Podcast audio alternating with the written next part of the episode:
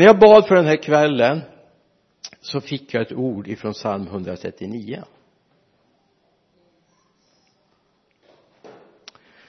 för det temat är att leva i Guds omsorg. Att leva i Guds omsorg. Då sa jag, om jag går eller ligger vers 3 förlåt mig. Om jag går eller ligger ser du det? Med alla mina vägar är du förtrogen innan ordet är på min tunga vet du herre allt om det. Du omsluter mig på alla sidor och håller mig i din hand. Den kunskapen är för underbar för mig.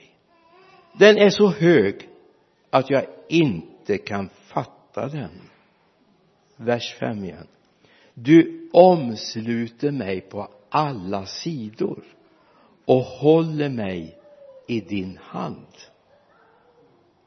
Herre, nu ber jag att vi ska bara få känna det, varenda en som är här från den yngste till den äldste, Herre att just nu är vi i din omsorg och du omsluter oss. Du omsluter oss. Både när vi tycker själva att vi är värda det och herre stunder när vi känner att egentligen är vi inte värda det men du älskar oss ändå. Tack herre för det amen. Amen.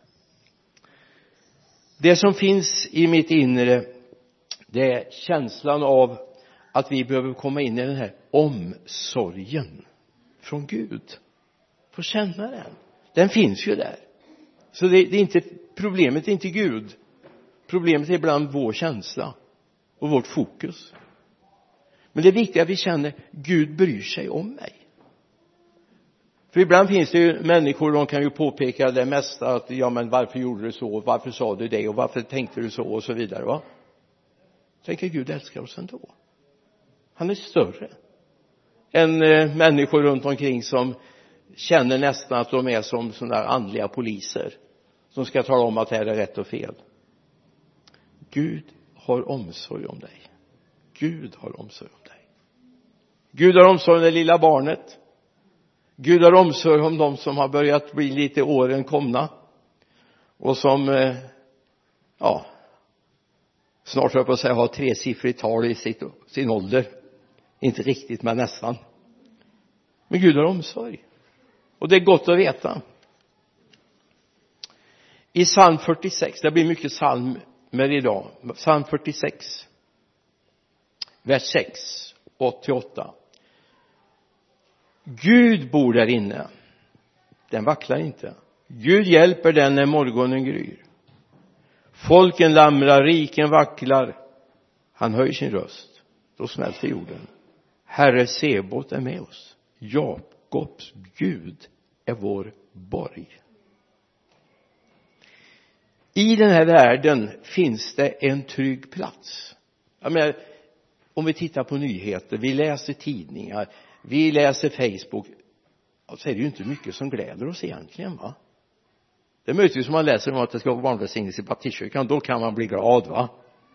Eller dophögtid i Vänersborg eller vi kommer ha det här också så småningom. Jag känner bara på mig att det kommer snart braka loss och vi kommer få ha mycket dopförrättningar. Vi får prenumerera in oss på Pingstkyrkan så de har öppen dopgrav så kan vi använda den lite nu och då. Vi hade ju den när Sara döptes här bland annat när eh, Nikolaj vår kille som bor nere i Kalmar nu döptes. Alltså det finns en trygg värld. Det finns en trygg värld i den här trasiga världen. Alltså ibland måste vi kunna hålla två tankar i huvudet samtidigt va? Eller ska vi be Jesus hålla den ena åt oss? För vi är så upptagna av allt det här trasiga som sker och det är naturkatastrofer och det är hemskt. Det är människor som hatar varandra och visar att de hatar varandra. Men samtidigt finns det en trygg värld? Det finns en Guds värld mitt i den här världen. Och det är viktigt att vi ser, upptäcker och förstår att det finns en trygg värld, det finns en plats, en borg som är förberedd för oss. En plats där han omsluter oss på alla sidor. I psalm 36 vi fortsätter i saltaren vers 8 hur dyrbar är inte din nåd, och Gud? Människors barn har sin tillflykt i dina vingars skugga. De mättas av rika gåvor i ditt hus. Av din ljuvlighets ström ger du dem att dricka. Hos dig är livets källa. I ditt ljus ser vi ljus. Hos dig är livets källa. Det finns en trygghet trots att det är det för vi kan bli så oroliga vi kan få hög hjärtpuls och när vi ser hur det ser ut i världen och hur människor far illa. Men det, vi kan hitta en trygg punkt. Det är precis någonting som är oberoende av det som sker ute i världen. Och den har vi hos Jesus. Det finns en trygghet hos Gud som vi behöver få tag i trots att det är kaos runt omkring oss. Det är den vi behöver låta barnen få växa upp i en trygg värld. Lära barnen tidigt som Birgitta läste vänd den unge vid den väg den bör vandra så viker den inte av när den blir gammal. Vänd den unge ja då är det inte dataspelen det är inte allt det där flashiga. Utan vi måste lära barnen det finns en trygghet hos Gud. Att man kan knäppa sina händer. Jag älskar den här lilla berättelsen jag hörde bortifrån Östergötland för många år sedan. Jag ska inte ta den på östgötska nu för det är för länge sedan jag bodde där. Men eh, killen hade lärt sig att be aftonbön han hade lärt sig också att man kunde plocka på de där behoven man hade när man bad aftonbön och det där tyckte han var väldigt spännande och han var väldigt nyfiken när det skulle hända också. Men en kväll när mamma, han säger till mamma och pappa ikväll ber jag aftonbön själv. Fem år gammal. Nu ber jag aftonbön själv. Men de lät ändå dörren till rummet ut till köket så lite uppe så de hörde vad händer inne? Helt plötsligt hör de den lilla grabben säga nu har jag bett aftonbön mamma pappa vad är det ni vill ha med nu? Så tar jag med det också. Då har vi vänt dem vid någonting va? Sen får vi be att de inte går ifrån det när de blir äldre, eller hur va? Vad är det du vill ha med? Tänk när barnen blir sådana pelare så de ber för mors och fars problem och bekymmer också. Och förväntar sig att få det. Barn de förväntar sig att få det om jag ska vara riktigt ärlig så är det så här med dig och mig. Att vi ber. Men förväntar vi oss alltid att vi ska få det? Blir vi förvånade när vi får bönesvar? Vi borde inte bli det. Därför han har en rik källa att ösa ur. Det är den kontakten vi behöver ha mitt i den här trasiga världen. Vi behöver leva med honom ständigt ständigt i närhet. Ett nytestamentligt ord måste vi ha med också. Hebreerbrevet 12 och 2 det är en sån här vers som jag har stavat så enormt mycket på. Och låt oss ha blicken fäst vid Jesus. Trons upphovsman och fullkomnare för att nå den glädje som låg framför honom uthärdade han korset utan att bry sig om skammen och sitter nu på högra sidan om Guds tron. Och låt oss ha blicken fäst på Jesus. Ni vet det finns mycket man kan ha blicken fäst på. Att tjäna pengar. Ha ett ärat namn. Eller följa den där tv-serien som man bara inte kan missa men det finns bara en som för oss ända fram till tronen och det är namnet Jesus. Han är den enda nyckeln. Du vet Johannes 14 och 6 säger att Jesus är sanning, vägen, sanningen och livet. Ingen kommer till fadern utom genom mig. Så ska vi komma till fadern behöver vi Jesus. Jag tror på Gud fader allsmäktig jag tror på det. Men jag har lärt mig att det är genom Jesus som jag kommer dit. Annars kan jag bli en formel. Men det är mer än en formel det är att få kontakt med honom. Jag läste häromdagen det här är ingen rolig läsning jag läste att i vårt land så har man börjat tänka på att det kan ju bli orostider. Jag vet inte om ni har noterat det man har upptäckt att man har avrustat för mycket. Och en uppgift som jag fångades av det är att ungefär bara var 10-15 procent av svenska befolkningen finns det ett skyddsrumsplats för. Bara 10-15 procent. Var ska de andra bo då om det blir orostider?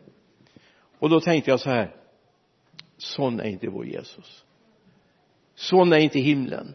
Det finns plats för alla även om du inte finns plats i något skyddsrum här i vårt land så kan du veta att det finns alltid plats hos honom. Och det är viktigt att du upptäcker att det finns plats hos honom alltid. Så att det är till honom vi ska vända oss. Och då säger psalm 62 vers 2 bara hos Gud har min själ sin ro från honom kommer min frälsning. Bara han är min klippa och min frälsning min borg. Jag ska inte vackla.